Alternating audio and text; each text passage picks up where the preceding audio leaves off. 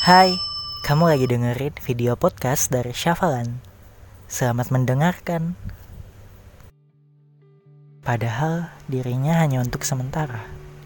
Sedangkan aku akan bertahan lebih lama. Lalu mengapa hanya dia yang dapat diprioritaskan?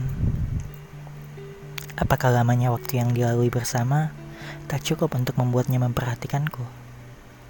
Apakah sebanyak apa pun momen yang dilalui bersama tak cukup untuk membuatnya menghargai keberadaanku?